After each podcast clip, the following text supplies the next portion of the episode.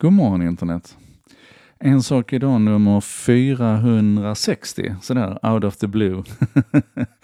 Eh, slutar aldrig överraska er. Eh, det är den 8 december, det är fortfarande coronapandemi. I Helsingborg är det till och med mer corona just nu än någonsin.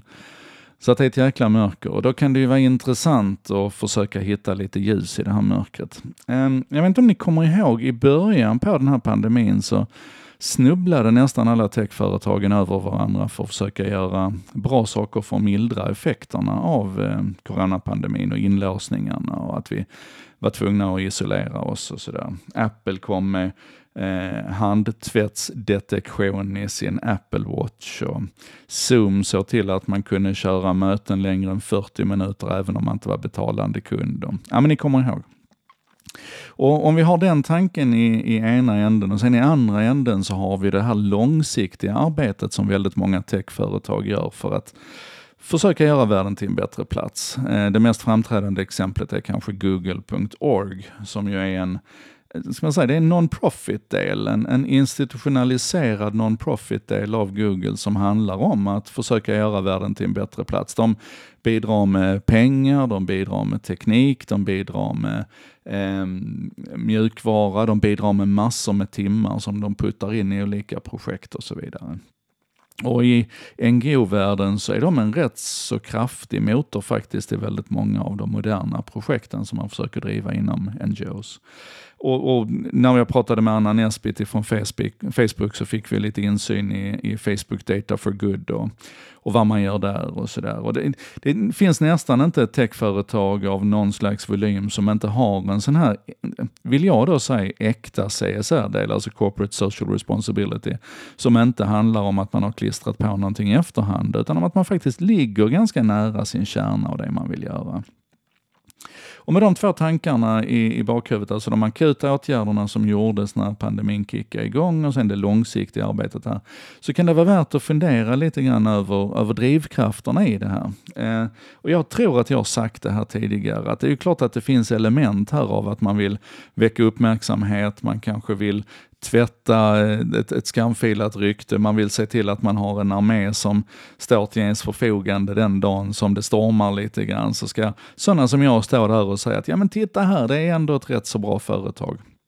Men det är också så här tror jag att jag menar precis som att du och jag som vanliga människor inom citationstecken i alla fall vill försöka göra gott. Vi vill hjälpa vår granne, vi vill stötta de som har det svårt. De allra flesta av oss har väl någon slags idé om utjämningsprinciper och att vad är det man säger, eh, från var och en efter förmåga till var och en efter behov. Ja men lite grann så försöker vi väl ändå resonera. Och det finns ju ingen anledning att den tanken ska gå över bara för att du flyttar upp i någon slags näringskedja och blir en, en, en stor företagsmagnat liksom så här. Det och, och tar man sådana som, som Mark Zuckerberg till exempel, så har han ju redan alla pengar i hela världen. Alltså hans minsta drivkraft idag borde ju vara att tjäna mer pengar. Och det kan man ju se på hur han och hans hustru Priscilla har kickat igång lite egna filantropiprojekt. Och, och jag menar, Bill Gates och Melinda Gates Foundation är ju oerhört starkt drivande idag i att göra världen till en bättre plats. Jag menar, han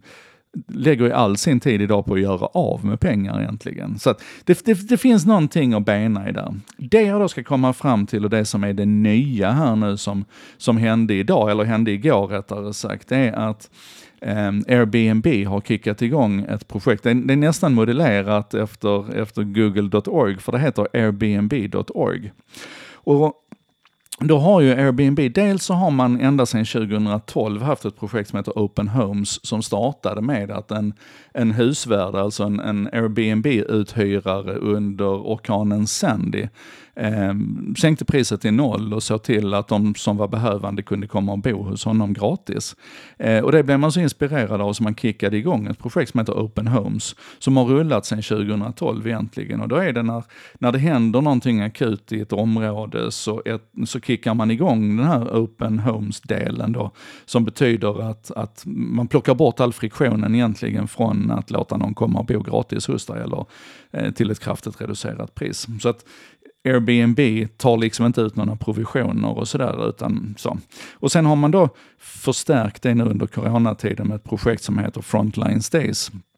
Och det är, det är specifikt egentligen för familjer som måste bo nära någon som vårdas på sjukhus eller, eller healthcare professionals, alltså sjukhus sjukvårdspersonal som relokerar och börjar jobba någon annanstans för att rycka in under pandemin och, och arbeta där det behövs som mest och så vidare. Så det är ett ganska specifikt program, men det heter Frontline Stays. Så nu slår man ihop Open Homes och Frontline Stays och etablerar alltså Airbnb.org. Och man har fått med rätt så tunga spelare i det här. Eh, hela, hela Röda Korset, alltså Röda Korset, Röda eh, Halvmånen och, och, Röda Kristallen heter de väl va, är, är med på det här. Alltså hela EFRC-delen är med här. Eh, det finns en organisation som heter Core Community Organized Relief Effort som, som också är med och stöttar det här. Och Airbnb säger att man kommer att lägga in minst en miljon dollar under två år här nu för att hjälpa eh, frivilliga från de här två, organ ja, två miljoner dollar blir det för att hjälpa frivilliga från de här organisationerna att, att flytta ut och, och, arbeta där det behövs och så vidare. Man har också puttat in en massa aktier i den här, i den här eh, non-profit-grenen som man har etablerat och så vidare. Och då, då är det ju så här att å ena sidan då så är ju det här ännu ett tecken på att man vill göra gott och att man flyttar fram. Men i just det här fallet kan jag inte låta bli att tänka att det kanske ändå finns en liten baktanke. För ni vet, planen är ju att, att Airbnb ska lanseras på börsen här nu den här, eh, den här veckan eller nästa vecka. Det kan vara nästa vecka. Jag, jag minns inte riktigt, men de är i alla fall på väg ut på börsen. Och under pandemin när vi inte har kunnat resa och, och bo på andra ställen hemma i vårt eget hem, så har det ju inte pratat speciellt mycket om Airbnb. Man, man har en sån kassa så jag tror inte att man liksom är ekonomiskt bekymrad över att Airbnb-resandet i princip har sjunkit till noll, men man är bekymrad för storyn, man är bekymrad för hur det pratas om det här och hur tyst det har varit och hur lite det har hörts. Och då är ju det här ett initiativ, vilket då bevisas inte minst av att jag sitter här och pratar om det. Jag hade kanske inte alls pratat om Airbnbs IPO annars om det inte hade varit för att de gjorde det här initiativet. Så att det kan finnas en sån baktanke.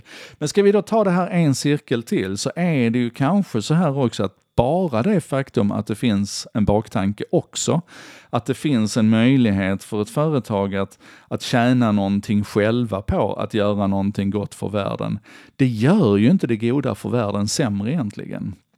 Um, det var väl lite grann där jag tänkte vi skulle, skulle tillbringa tanken idag, att, att det, det gäller att hålla två tankar i huvudet samtidigt, att man både kan vara god och göra gott för världen och samtidigt tjäna en hacka på det. VSB. Ehm, det här var en sak idag, nummer 460 med mig Joakim Jardenberg. Har vi minsta lilla tur så kanske det kommer in imorgon också. Det är så stökigt med jobbet och, och livet här nu så att det är otroligt svårt att planera och få tid att sätta sig ner och ens göra de här 10 minuterna mer. Men vi får väl se hur det går. Vi håller tummarna eh, och så hoppas jag vi ses någon gång någonstans. Stay safe.